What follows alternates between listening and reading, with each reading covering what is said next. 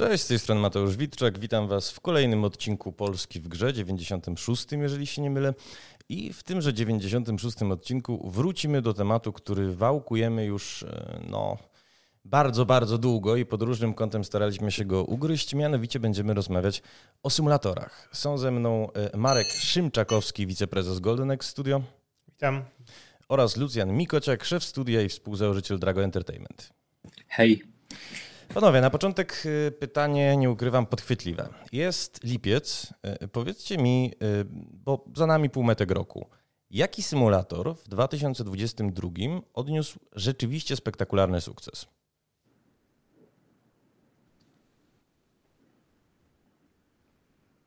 I nastała cisza. I nastała cisza, bo o co chodzi? Ja pamiętam rzeczywiście w zeszłym roku, Lucjan doskonale wie, zresztą, że Gas Station Simulator rozbił bank. To było, jeżeli się nie mylę, 300 tysięcy egzemplarzy w ciągu miesiąca, 450 do końca roku. W podobnym okresie mm, Car Mechanic Simulator 72 godziny, 132 tysiące egzemplarzy i jeszcze więcej w ogóle sprzedanych e, e, DLC-ków. Rekord 20, 22 tysiące i pół mm, graczy równocześnie, tysiąca. Szczerze mówiąc, jak y, retrospektywnie sprawdziłem sobie newsy na polski GameDev.pl, podobnego sukcesu w tym roku nie widzę. No wiesz, mamy jeszcze przed sobą food trucka. Tak, tak, tak. To znaczy, mamy food trucka i nie tylko. Y, I ja wam powiem, że nawet wynotowałem sobie projekty, które w tym roku mogą wyjść i które y, na mój nos dziennikarski mogą zażreć. To jest Food Truck, to jest y, y, Priest Simulator, y, zresztą od zespołu Asmodev, który, Gold, który z Golden X jest zaprzyjaźniony. Tak jest, 6 października. 6 października premiera i oni rzeczywiście no, mają nieszablonową dość kampanię promocyjną, no bo i zespół Gruzja im nagrał black metalowy soundtrack i sprzedają te, jak to dowcipnie określili, szatanistyczne kominiarki, no plus sam projekt jest dowcipny, taki trochę właśnie mm -hmm. na modłę Gas Station. Jest oczywiście Pop Simulator, nie wiem czy to jest ten rok czy przyszły. No, ale potem długo, długo, długo, długo nic. Trudno mi jest naprawdę wskazać symulator, który rezonowałby z masową publicznością, który moim zdaniem mógłby osiągnąć no, sprzedaż na poziomie kilkuset tysięcy egzemplarzy w ciągu pierwszych tygodni, miesięcy. Ja myślę, że tutaj bardzo ważnym, bardzo ważnym aspektem jest właśnie podejście do symulatorów i czego są tu symulatory? Bo jak mamy właśnie sukcesy Gas Station, czy mamy symulatory Car Mechanica, które wcześniej się odbywały, czyli podobne tematy, które już były tak, i osiągają sukcesy, to myślę, że rynek dzisiaj oczekuje czegoś bardziej takiego oryginalnego i tym właśnie jest między innymi Priest Simulator.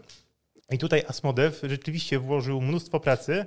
E, nie wiem, czy mieliście okazję grać. Ja miałem okazję przegrać pierwszą wersję Heavy Duty, drugą. I z racji współpracy obgrywamy te elementy, które teraz Asmodev produkuje. I to jest gra absolutnie nieszablonowa i nie ma znaczenia e, w sensie po której stronie barykady jesteśmy. Ja jako katolik na początku jak rozmawiałem z, z Michałem, mówię, że to może być przesada. No to jeśli chodzi naprawdę, będę księdzem, księdzem wampirem, pijakiem, narkomanem, będę tam tłuk satanistów. A w momencie, gdy wejdziemy sobie w to, podejdziemy do tego jak do gry, to jest coś po prostu niewiarygodnego. Ta gra daje tyle fanów, że to jest głowa mała. I naprawdę można spędzić tam miłą tam godzinę, półtorej, i się naprawdę świetnie, świetnie bawić. I wydaje mi się, że to jest ten unik, którego dzisiaj oczekują gracze od symulatorów, że symulatory będą albo, albo bardzo dobrze dopracowane, takie techniczne, te, które już ograliśmy, albo właśnie takie unikalne, jakim jest Pre Simulator. I myślę, że też nasz Pop Simulator będzie też takim unikalnym, dlatego że posłuchaliśmy graczy, bo analizujemy e, bardzo mocno analizujemy feedback od graczy od pierwszej komunikacji i gracze oczekiwali czegoś innego nie chcieli bordziów, w sensie, bo też taki symulator był, tak, bo to I Playway powstaje, tak, powstaje tak. dokładnie tak, ale słuchając i zbierając feedback, największym, e, największy feedback dostaliśmy od hiszpańskojęzycznej społeczności i od dwóch takich dużych kanałów e, włoskich, e, produkowanych w sensie prowadzonych w języku angielskim, czy ta gra będzie poważna. I zadano nam tyle pytań, jak odnosiliśmy się do tych pytań, to też wyłapaliśmy, że gracze będą, oczekują czegoś więcej, czegoś właśnie takiej historii, historycznych rzeczy, takich, gdzie rzeczywiście zmierzymy się z dylematami. To nie będzie tylko fan, tak? tylko że będzie to coś wartościowego, coś intelektualnego. I tutaj położyliśmy mnóstwo prądu, żeby tą grę przebudować i stąd przy projekcie udział bierze właśnie profesor Paweł Kowal, historyk i watykanista. Y, wrócimy jeszcze do tego tematu, ale y, od razu dopytam, ponieważ y, użyłeś takiego sformułowania, że musieliśmy grę przebudować. Słusznie podkreślasz, że to jest wasz projekt. Nie jest natomiast tajemnicą, że zaczynał jako gra Maida Games, szerzej nieznanego. Co się właściwie stało, że wyście ten projekt przejęli i czy aby nie jest to pokłosie takiej polityki, no właśnie, tworzenia kart katalogowych, jakichś trailerów, które niekoniecznie muszą mieć później wiele wspólnego z rzeczywistością i jeżeli temat dopiero zażre, to jakieś tam zespoły dokoptujemy, żeby go skończyły.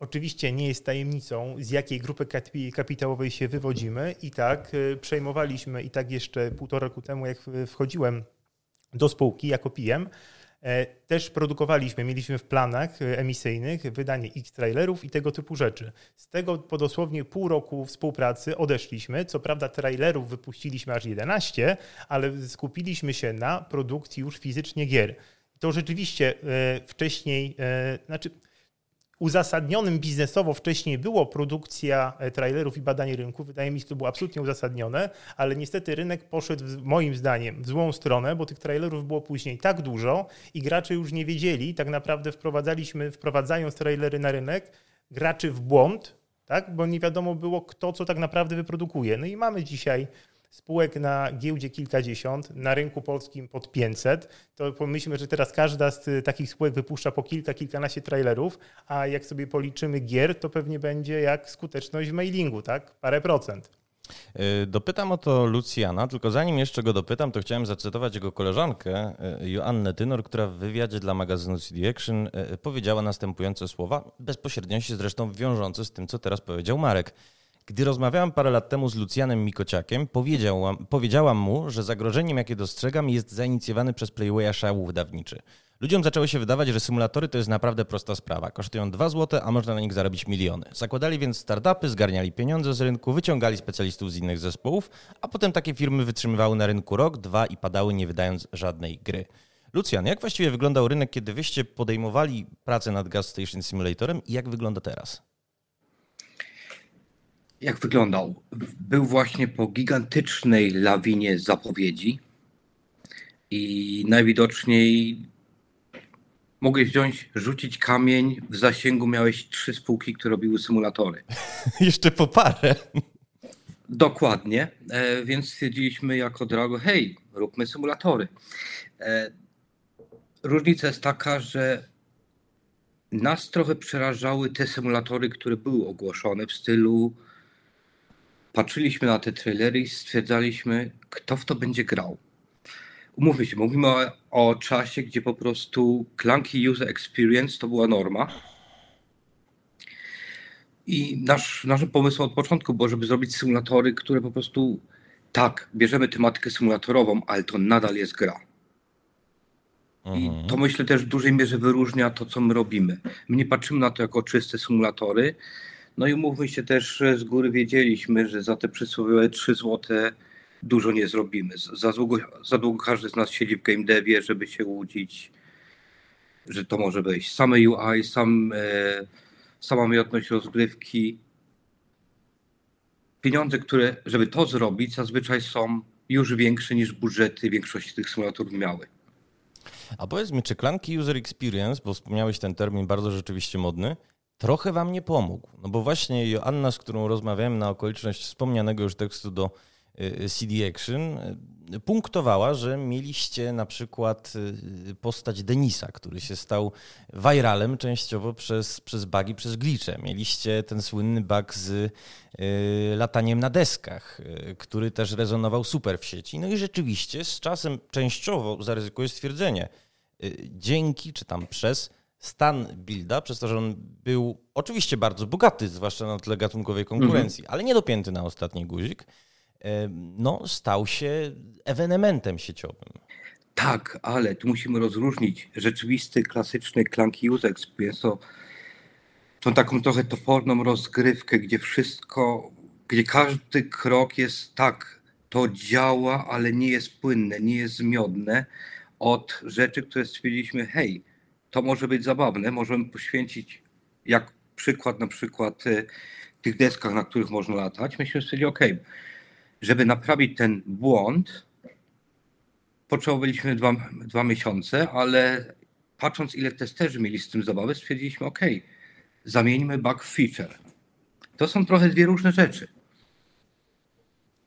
To są dwie różne rzeczy e, i rzeczywiście wam się to udało, ale wam się udało też poniekąd dlatego, że gra ma zabawną otoczkę, że to nie jest prosto odtwarzanie tak. czynności, to jest rzeczywiście komedia, zresztą utkana z bardzo wielu różnych y, produkcji, no bo tam macie i nawiązanie, nie wiem, do WoWa, do Cookie Clickera, bardzo, do Guitar Hero, bardzo dużo jest tak naprawdę gier, które składają się na sukces Gas Station Simulatora. Ale pytanie, bo tutaj Marek y, stwierdził, że no, celuje chyba w trochę inny target, to znaczy, mm, że ma między innymi Pop Simulator kusić taką intelektualną podbudową. I przyznam szczerze, że intelektualny symulator to jest dla mnie trochę oksymoron, trochę jak, nie wiem, progresywne disco polo. Czy rzeczywiście odbiorca tego gatunku liczy na y, jakąś fabularną ucztę? Z, analiz, jakie, z analiz, jakie przeprowadziliśmy, tak to dokładnie wynika. E, I dlatego wzięliśmy na stół kilka y, projekcji, bo mieliśmy problem, bo na początku POP mhm. Simulator miał być takim ekonomikiem, raczej prostą symulatorem, ale raczej z wyborami, na zasadzie odklikanymi wyborami i to wszystko.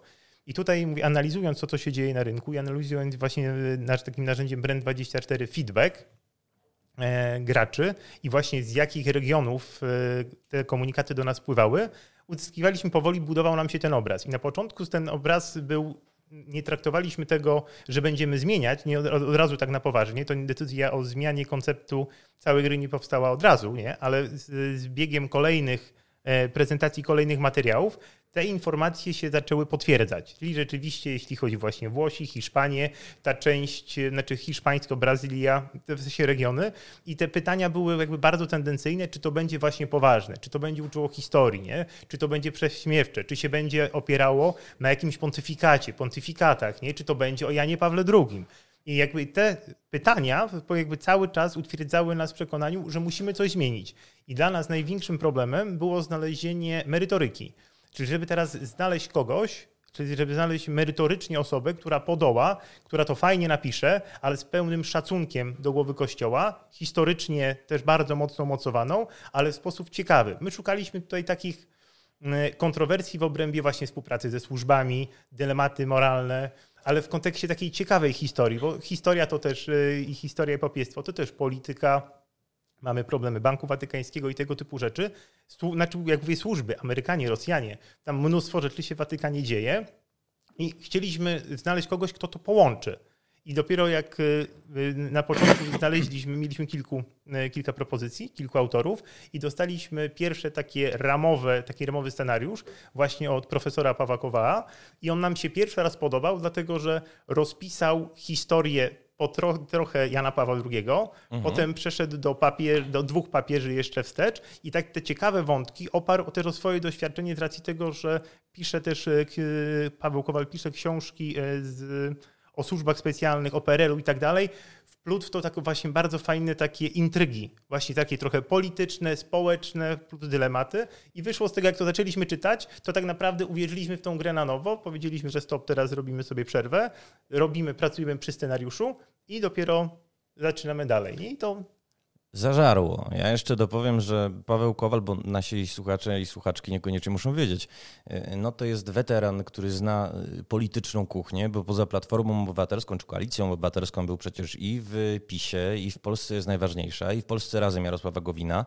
Y, był wiceministrem spraw zagranicznych, eurodeputowanym, no można by te, kierował biurem przecież Lecha Kaczyńskiego. Te stanowiska by można mnożyć. Tylko jak ciebie słucham, to cały czas odnosisz się do tego członu papieskiego tytułu. Y, ja bym zaryzykował stwierdzenie, że jednak symulator mi się kojarzy albo z tym, co robi Lucian, to znaczy właśnie z komedią, z szyderą, czasem lepiej zrobioną, czasem gorzej, ale taką właśnie na modłę y, Gas Station, Junkyard Simulatora, BAM Simulatora, nawet One King Simulatora, y, albo z no, takim właśnie odtwarzaniem czynności jak najwierniejszym. Tutaj myślę o Car Mechanicu, tutaj myślę o, o produkcjach z tej półki. Czy człon Simulator w 2022 trochę wam jednak y, no, nie, nie działa na szkodę.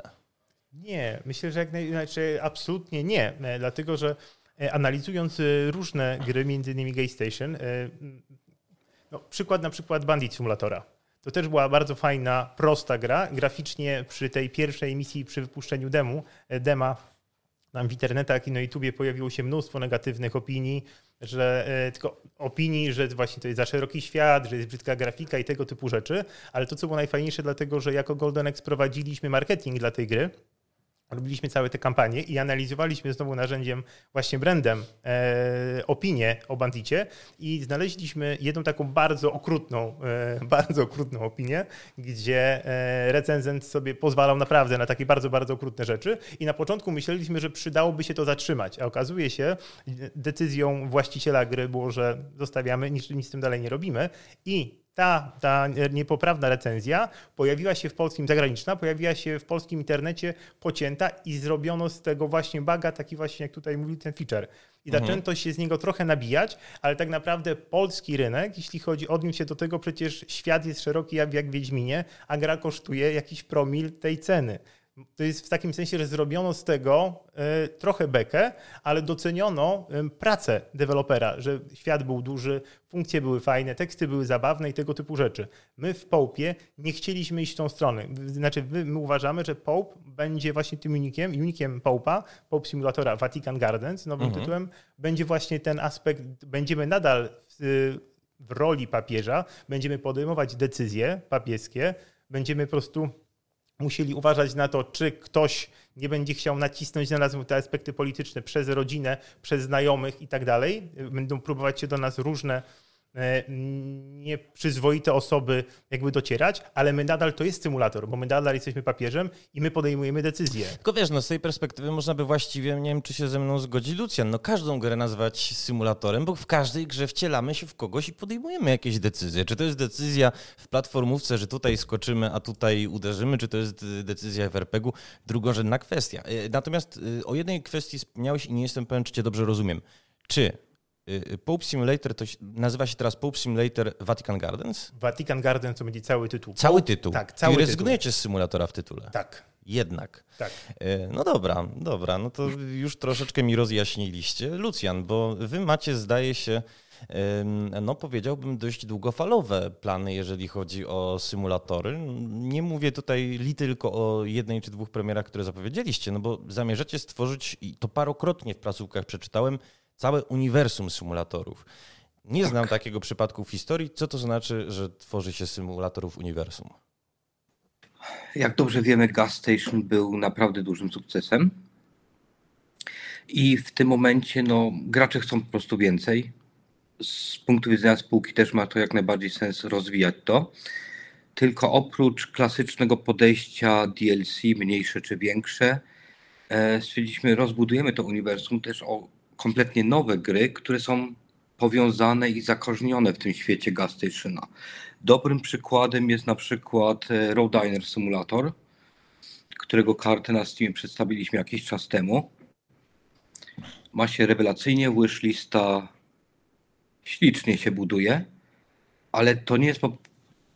Ale co robi tą grę tak naprawdę ciekawą, co, co jest trochę innym podejściem, to jest nie robimy następną grę, która jest osadzona w tym świecie, tylko te gry będą ze sobą też współdziałać. Jeśli gracz ma Gas Station i Road Diner, gra co prawda w dwie różne gry, ale na przykład grając w Road Dinera po drugiej stronie widzi rzeczywiście swoją własną stację z Gas Stationa, tak tam rozbudował. Im bardziej ta stacja w Gas Station jest rozbudowana, tym większe bonusy ma grając w Road Dinera i vice versa. Następny projekt w tym temacie, który ogłosiliśmy, to jest e, Motel Simulator. Również będą te gry ze sobą logicznie powiązane. Także wydaje nam się, że to jest bardzo ciekawe podejście. Znaczy, zdecydowanie jest lepszy, słuchaj, niż te cross-promocje, którymi jesteśmy bombardowani przy premierze każdego symulatora. No o to trochę też pytałem. Bardzo, bardzo miło słyszeć, że macie e, na to tak ciekawy pomysł. Ale, bo i tutaj też naszym e, słuchaczom przypomnijmy, e, Drago Entertainment to są nie tylko symulatory, wy też macie w planach, zdaje się, całkiem niezły survival. Kiedy coś o nim usłyszymy, jak idą prace nad nim, zważywszy właśnie na sukces Gas Station i próbę budowy całego uniwersum wokół tego tytułu. Winter Survival, o nim mówisz? Nie, mówię o. Mm, właśnie nie chcę teraz przestrzelić, bo wiem, że zmienialiście tytuł. Red Frost? Red Frost, tak. Tak. E, znaczy Red Frost w tym momencie jest, e, idzie dość powoli, z tego powodu, że aktualnie koncentrujemy się na Winter Survival, który powstał na techu Red Frosta. Wyciągnęliśmy go do Winter Survival. Winter Survival jest mniejszym projektem, jest nam tam prościej nad tym techem pracować, go udoskonalać. Teraz będziemy wchodzić z Winter Survival w Early Access. Wyjdziemy z tego, zbackportujemy tech z powrotem do Red Frosta, ale tak, Red Frost jest całkiem inną zabawą. E, jest to stanowczo większy projekt. Ma naprawdę, nie ma już nic do czynienia z symulatorami. Bardziej rzeczywiście przygoda, e, survival, mocne storyliny, quest huby. Inna kategoria gry.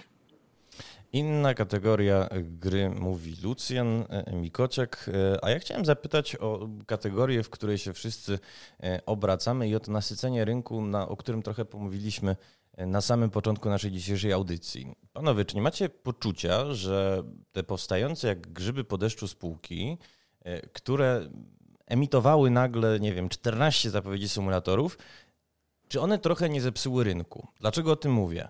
E, naturalnym jest, że po premierze mm, Wiedźmina, z racji też tego, że wychodziliśmy z pandemii, troszeczkę na giełdzie sytuacja zrobiła się mniej wesoła. Natomiast ja nie pamiętam e, w tym momencie spółki, na której by się na IPO dało zarobić e, z przeciągu powiedzmy ostatnich 12, może nawet 18 miesięcy, to jest raz.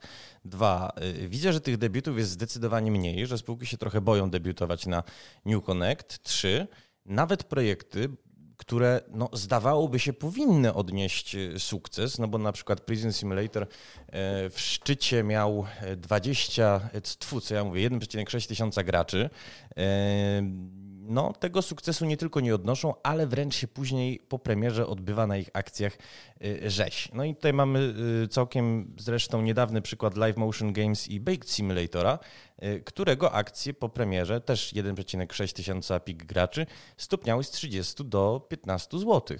Co się właściwie dzieje? Ja, zakładam... ja myślę, że jednym z efektów to są bardzo wysokie oczekiwania osób na giełdzie, jeśli chodzi o sukces. Latami było wystarczające, że gra się wydała w przeciągu kilku tygodni, zwróciła budżet i od tego momentu już był czysty zysk. Dziś, patrząc na giełdę, to jest uważane za porażkę. Tak, 24 godziny y, musi się gra zwrócić, bo inaczej y, no, inwestorzy wyrażają niezadowolenie na bankierach i nie tylko na bankierach. Czy zgadzasz się, Marku, z taką diagnozą? Znaczy, tak, ja myślę, że e, rynek i te oczekiwania są, e, doszły do takiego poziomu jak chyba na, na rynku krypto, że ludzie myślą, że wkładają złotówkę, wyciągają razy 10 e, i, i tyle. Nie? I, ale przez x czasu tak to działało.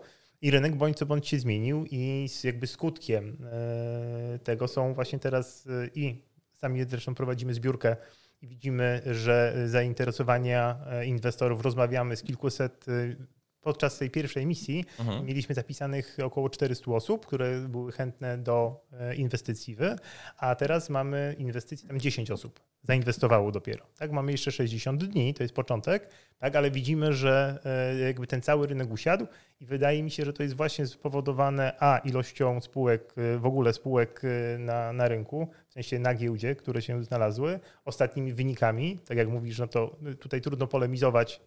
Spółki wszystkie na giełdzie e, podczas debiutów mają w plecy i to niestety dwucyfrowe spadki.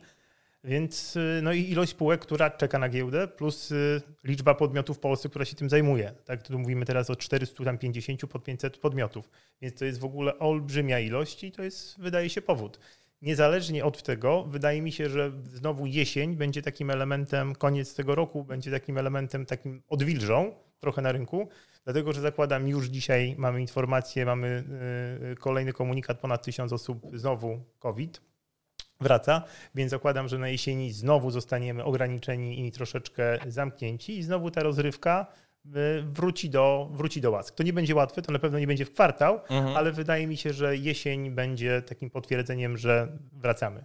Nie życzymy COVID-a, y, życzymy oczywiście, żeby polskie spółki śmiały jak najlepiej. Y, pytanie do Was obu.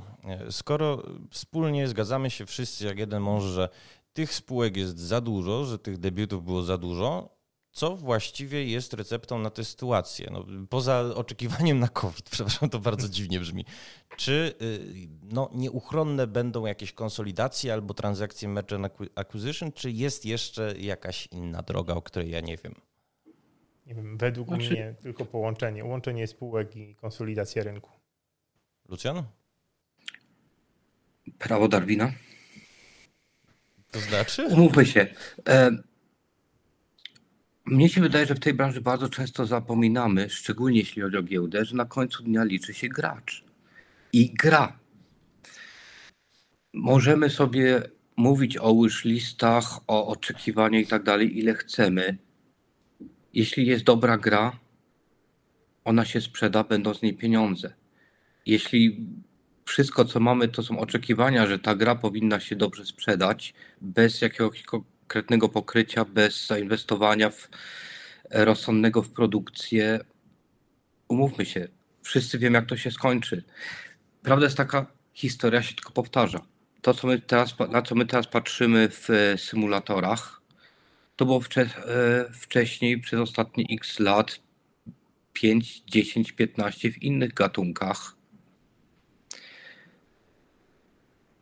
Teraz tak naprawdę moment weźmy nasze symulatory, o których cały czas rozmawiamy, one muszą przejść przez pewną fazę ewolucji. Ona się zaczęła. Te spółki, które wyprodukują coś lepszego, coś, co graczy zaciekawi, co się sprzeda, one te przeżyją.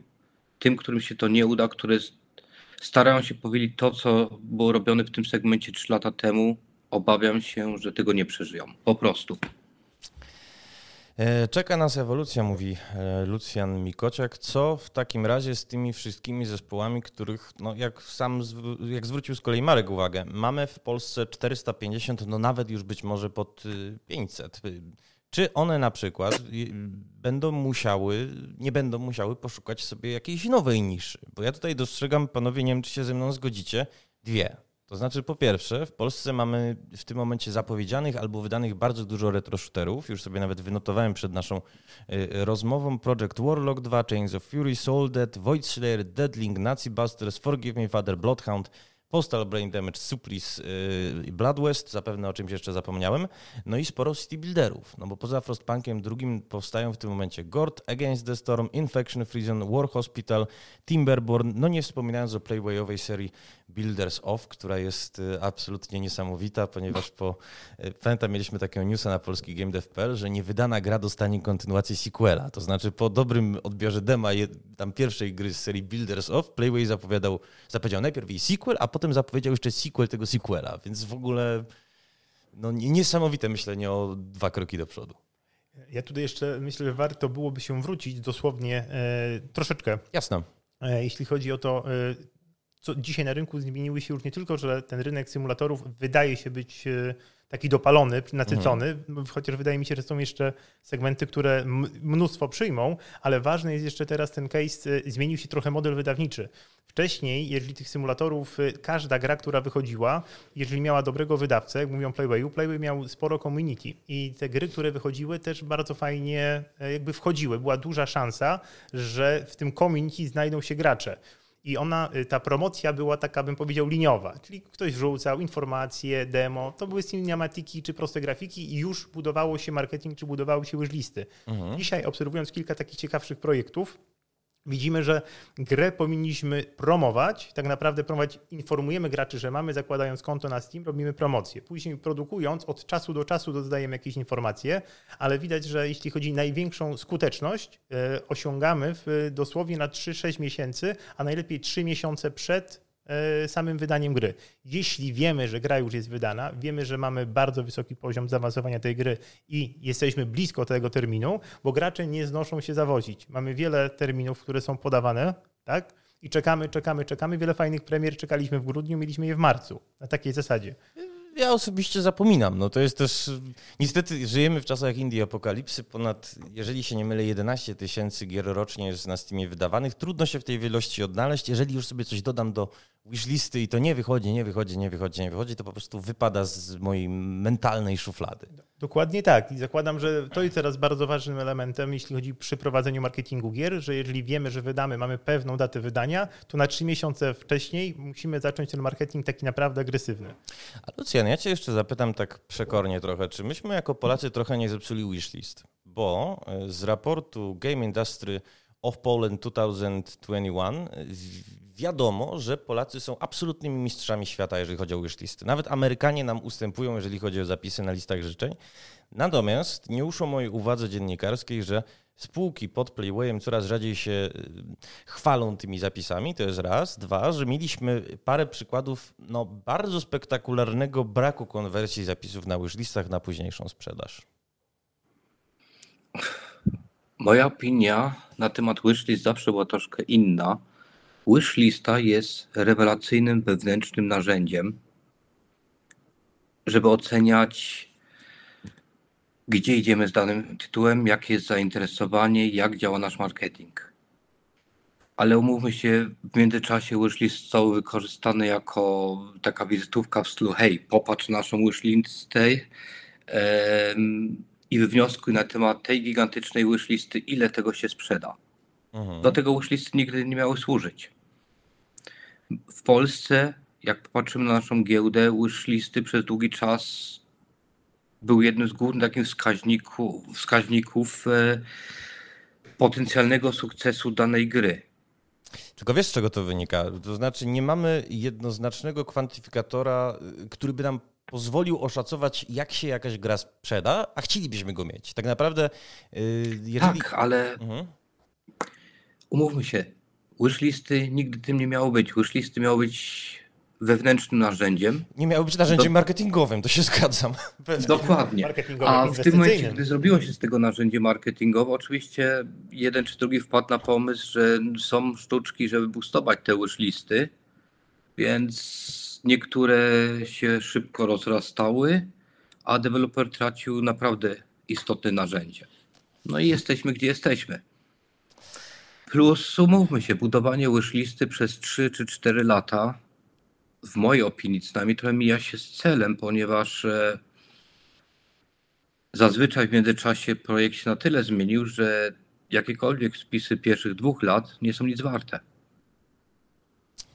Tutaj absolutnie, tak, tutaj absolutnie zgoda. Właśnie, znaczy mówię o tym właśnie kwestii tej czasu budowania e, właśnie tej atencji użytkownika, atencji tego właśnie gracza, że jeżeli robimy to przez półtora roku czy przez dwa lata, to widzimy, że pewne koncepty się zmieniają. Tak naprawdę możemy powiedzieć, że 99% konceptów przez tak długi okres zwyczajnie się zmienia i musi się zmieniać. Nie, bo to też by nie było pewnie ok, że zaplanowaliśmy sobie coś trzy lata później, e, realizujemy takim tempem, zasadą powiedzieliśmy, to robimy, więc to się absolutnie zmienia wszystko. E, e, to wishlist, od wishlist już może ucieknijmy, bo przyszedł mi do głowy jeszcze jeden temat. Panowie, czy wy byście, bo faktycznie tworzycie jakościowe symulatory, powiedzielibyśmy symulatory premium, czy wy byście nie chcieli iść w trochę inny model biznesowy, bo z całym szacunkiem dla Drago i dla Gas Stationa, który jest niewątpliwie no, chyba największym sukcesem obok Car Mechanica z zeszłego roku, jak chodzi o ten, ten segment rynku, no nie umywa się e, mimo wszystko Gas Station do sukcesu chociażby House Flippera. Przypomnę, 3 miliony sprzedanych egzemplarzy, pik e, graczy 4 lata po premierze, co jest w ogóle niesamowite. I podobnie jak Cooking Simulator, czy chociażby właśnie Car Mechanic, no, żyje ta gra na kroplówce z DLC-kami. Są odbiorcy, którzy chcą te DLC-ki kupować i dzięki temu, że jest faktycznie współpraca zespołu deweloperskiego z community, udaje się utrzymać zainteresowanie no, no nie krótko po premierze, ale przez lata. Wiesz, wydaje się, że takim właśnie fajnym case'em, znaczy fajnym case'em i dowodem, że dobrze wydana gra dobrze zbudowany community może potem procentować przez lata, właśnie Cooking Simulator. Robimy teraz podobną rzecz, Cooking Simulatora, tylko w takim wersji Championshipu, w formie yy, takiego... Teraz czy od dwóch i pół roku? Bo ja pamiętam, że rozmawiałem, słuchaj, z nie pomnę już kim z ekipy Cooking Championshipa, E, aczkolwiek no to było bardzo, bardzo dawno temu. Teraz mówię, pracujemy, dlatego że jesteśmy na etapie wypuszczania tej gry. Aha. Demo mamy obecnie na Steamie i planujemy końcem roku jej już finalne wydanie. Ale też jeśli chodzi, ona się o tyle zmieniła, bo my, cały koncept tej gry y, w sensie trochę wzorowaliśmy się na cookingu, na sukcesie cookinga, bo to nas bez dwóch zainspirowało, ale chcieliśmy zmienić mechaniki, chcieliśmy pokazać troszeczkę, dać graczom trochę więcej, mhm. tak, na takiej zasadzie i chcieliśmy dodać, żeby do tego gotowania doszły takie elementy Mm, podnoszące no, rytm bicia serca, czyli mamy określony czas, mamy określoną strukturę, musimy odpowiednio szybko coś przynieść, przygotować, pokroić, w odpowiedniej kolejności te wszystkie składniki dodać, w odpowiedniej temperaturze ugotować i tak dalej. I na to mamy 30 minut. Cały czas presja, presja, presja i po takich 30 minutach rozgrywki stawiamy e, danie przed jury i dokonujemy oceny. I system, który budowaliśmy oceniania, weryfikowania tego był szalenie skomplikowany. I tu też e, jeszcze wracając wracając do cookinga, Cooking Simulatora. Tam community było świetnie zbudowane, niezależnie od medium, czy na Facebooku, czy na Twitterze. To do tej pory jestem, w sensie uwielbiam Twittera mhm. i po prostu wystarczy e, zobaczyć, ile osób, jak żyje ta społeczność. Więc teraz sam kupiłem e, jakiś czas temu i do tej pory w Cooking Simulatora gram. Nawet jak ostatnio wypuścili grille.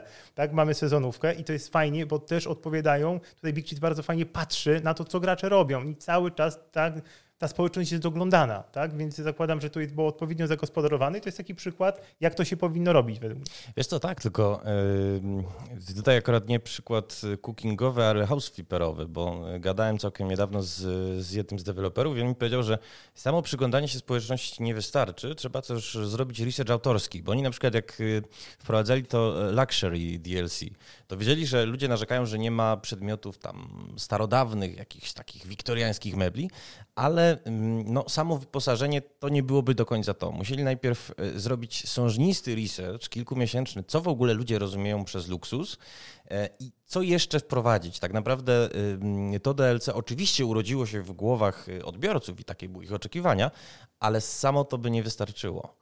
E, natomiast rozumiem, że jak wy wydacie swojego cookinga, no to też się możemy spodziewać e, pizz, desekserów i, i tego typu. Dokładnie tak. I Super. dlatego tu właśnie to chcieliśmy zrobić. Dlatego wybraliśmy kilka lokalizacji i w każdym e, państwie, w każdej lokalizacji mamy inny, inny gatunek. Przygotowujemy inne rzeczy na inny sposób. Yy, dobrze, dobrze, panowie. To jeszcze chciałem Lucjana zapytać, bo troszkę żeśmy z tematu zbiegli, no ale rozmówcy są yy, bardzo wygadani, bardzo znają temat, więc trudno nie popłynąć czasem takim właśnie train of thought. Jakie będą nowe symulatory? To znaczy, czy retro shootery, city buildery są w stanie zastąpić no, ten gatunek w roli takiego, który cieszy się nad Wisą szczególnie dużym powodzeniem? A może jest jakaś konwencja, jakaś formuła, o której ja nie wiem, a, a która zażre niesamowicie i, i, i zastąpi symulatory?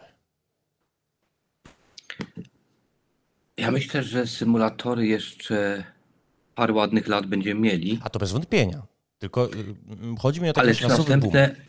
trudno powiedzieć, ponieważ e, weź retro shootery, tak naprawdę jeśli chodzi o retro shootery, patrzysz trochę na innego gracza. To jest też coś, co mnie dziwi, jak często jest zapominane. Buildery są oczywiście bliżej symulatorów, ale też to jest trochę inny gracz, a z retro shooterami to już w ogóle patrzysz tak, inny klient. Oczywiście, że inny klient, ale skoro już w takim razie jesteśmy przy klientach, to powiedzcie mi, czy my jesteśmy w stanie w ogóle jednego, jeden target pod symulatory zdefiniować? Myślę, że nie. Patrząc na to, jak różne są te symulatory, weźmy całą tą lawinę zapowiedzi symulatorów, o której mówiliśmy. Większość zainteresowania gracza była pana na sam pomysł. W stylu, to brzmi ciekawe, albo to chciałem zawsze spróbować, albo to brzmi tak głupio, muszę to zobaczyć. Co później, jaka gra z tego później powstaje, jest trochę inna rzecz i sam gatunek symulatory no naprawdę nie jest jednolity. Więc nie wydaje mi się, że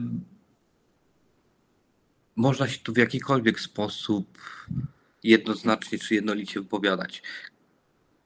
No właśnie powiem, powiem wam nawet, że jestem bardzo zaciekawiony tym, co teraz powiedział Marek, bo dla mnie zmiana tytułu przez Połpa to jest ukoronowanie pewnej drogi, bo tak jak mówił Lucjan, symulatory dla mnie to była jednozdaniowa obietnica, która jest zawarta w tytule y, i w, dobra, kilkuzdaniowa obietnica zawarta w tytule i w bardzo krótkim opisie.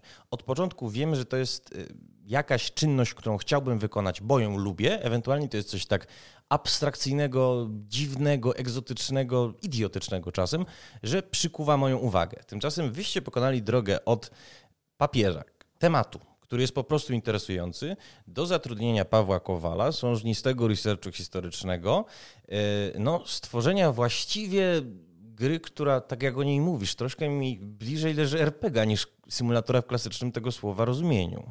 Znaczy, bez dwóch zdań, tylko że to też jest właśnie efekt z naszego punktu widzenia e, zmiany rynku. Dlatego jak sobie dzisiaj popatrzymy na tym, kim są gracze, to e, ciekawym, w sensie najwięcej badań mamy co prawda z rynku mobilnego, ale okazuje się, że na przykład kobiet w, jako graczy cały czas jest coraz więcej. Mamy już mniej więcej podział 50 na 50.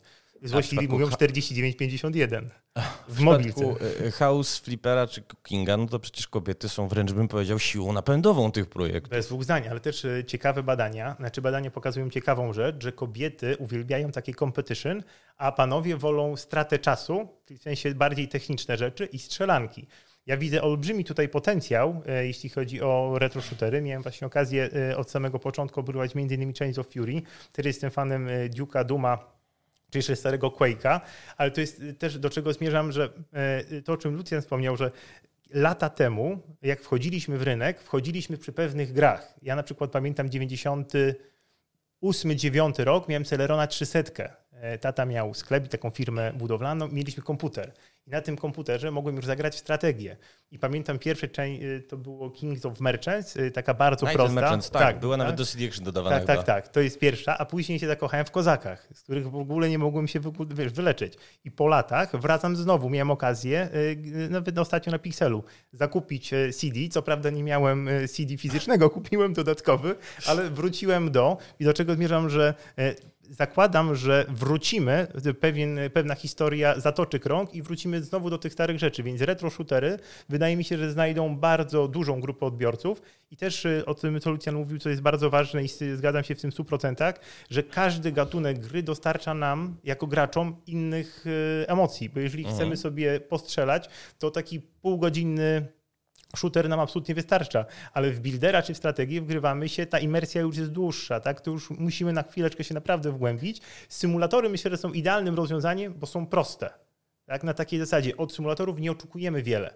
Czy na takiej zasadzie, że jeżeli chcemy coś zrobić, jesteśmy fanem, e, nie wiem, e, chcemy sobie wyremontować traktor, motocykl, samochód czy tego typu rzeczy, więc to może być krótkie i przyjemne. Ona nas do niczego nie zobowiązuje nie? na takiej zasadzie. Więc Ten motocykl, przepraszam, że ci wejdę w słowo, to jest akurat o tyle kulawy przykład, że Motorcycle Mechanic Simulator to był od Play to Chill chyba największy zawód zeszłego roku, bo gra, y, y, pik graczy zanotowała rzędu 430 E, czterech, nawet sobie wnotowałem, mimo tego, że na wishlistach miała 130 tysięcy zapisów, więc wydawałoby się, że e, podąży ścieżką starszego brata, myślę tutaj o Car Mechaniku, jakoś nie do końca się to udało. No, niefortunny przypadek, czy niefortunnie, jeśli chodzi o dane. Jestem właśnie teraz na wyborze motocykla, więc akurat miałem okazję.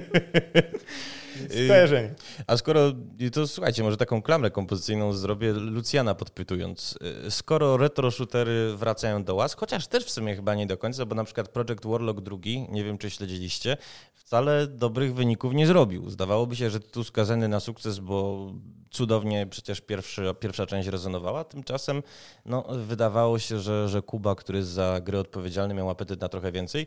Y, Lucjan, czy my y, w przewidywanym okresie naszego życia doświadczymy takiego trendu kiedyś jak retro symulatory na przykład? I co to będzie i kiedy? Patrząc jak przeszliśmy przez wszystko, ile razy wróciło, ja bym powiedział tak.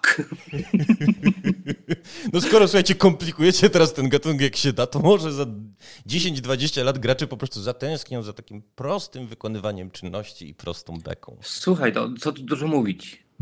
Pamiętasz stwierdzenie sprzed 8 lat, 10 lat? Przygodówki są martwe? U, aż za dobrze, bo jestem psychofanem przygodówek, a Zresztą. Zaczyna się coraz więcej pojawiać. No, tylko wiesz, one dla siebie znalazły niszę. To nie jest tak, że nie wiem, seria Blackwell, jakieś Gemini.ru y, no, zawalczą o rząd dusz, y, aczkolwiek no, znalazły dla siebie tam niszę mhm. po niszę. Inna rzecz, że zaczęły te przygodówki trochę się rozszerzać tak semantycznie jako słowo. Y, no i teraz trudno powiedzieć, co tą przygodówką jest, a co tą przygodówką nie jest. No. Ale to znowu ewolucja gatunku od ilu? 12 lat patrzymy ciągle na pewne, gdzie pewne historie zaczynają się po prostu powtarzać. Tak, oparto nowe technologie, tak, rozszerzano elementy nietypowe dla danych gatunków, ale wszystko w ten czy inny sposób trochę powraca. Pewne historie zaczynają się powtarzać. Lucjan, ja Ci na koniec życzę, żeby historia Waszego sukcesu Wam się jeszcze powtórzyła. Był ze mną, przypomnę, Lucjan Mikociak, szef studia i współzałożyciel Drago Entertainment. Dziękuję bardzo. Zobaczymy. Zobaczymy, trzymamy kciuki. A Markowi y, y, Szymczakowskiemu, czyli wiceprezesowi Golden X Studio, życzę, żeby te powtarzane przez Was historie z pontyfikatu, y, no mówiąc kolokwialnie, zażarły. Dzięki śliczne. Dziękujemy. Do zobaczenia. Do zobaczenia. Hej, hej.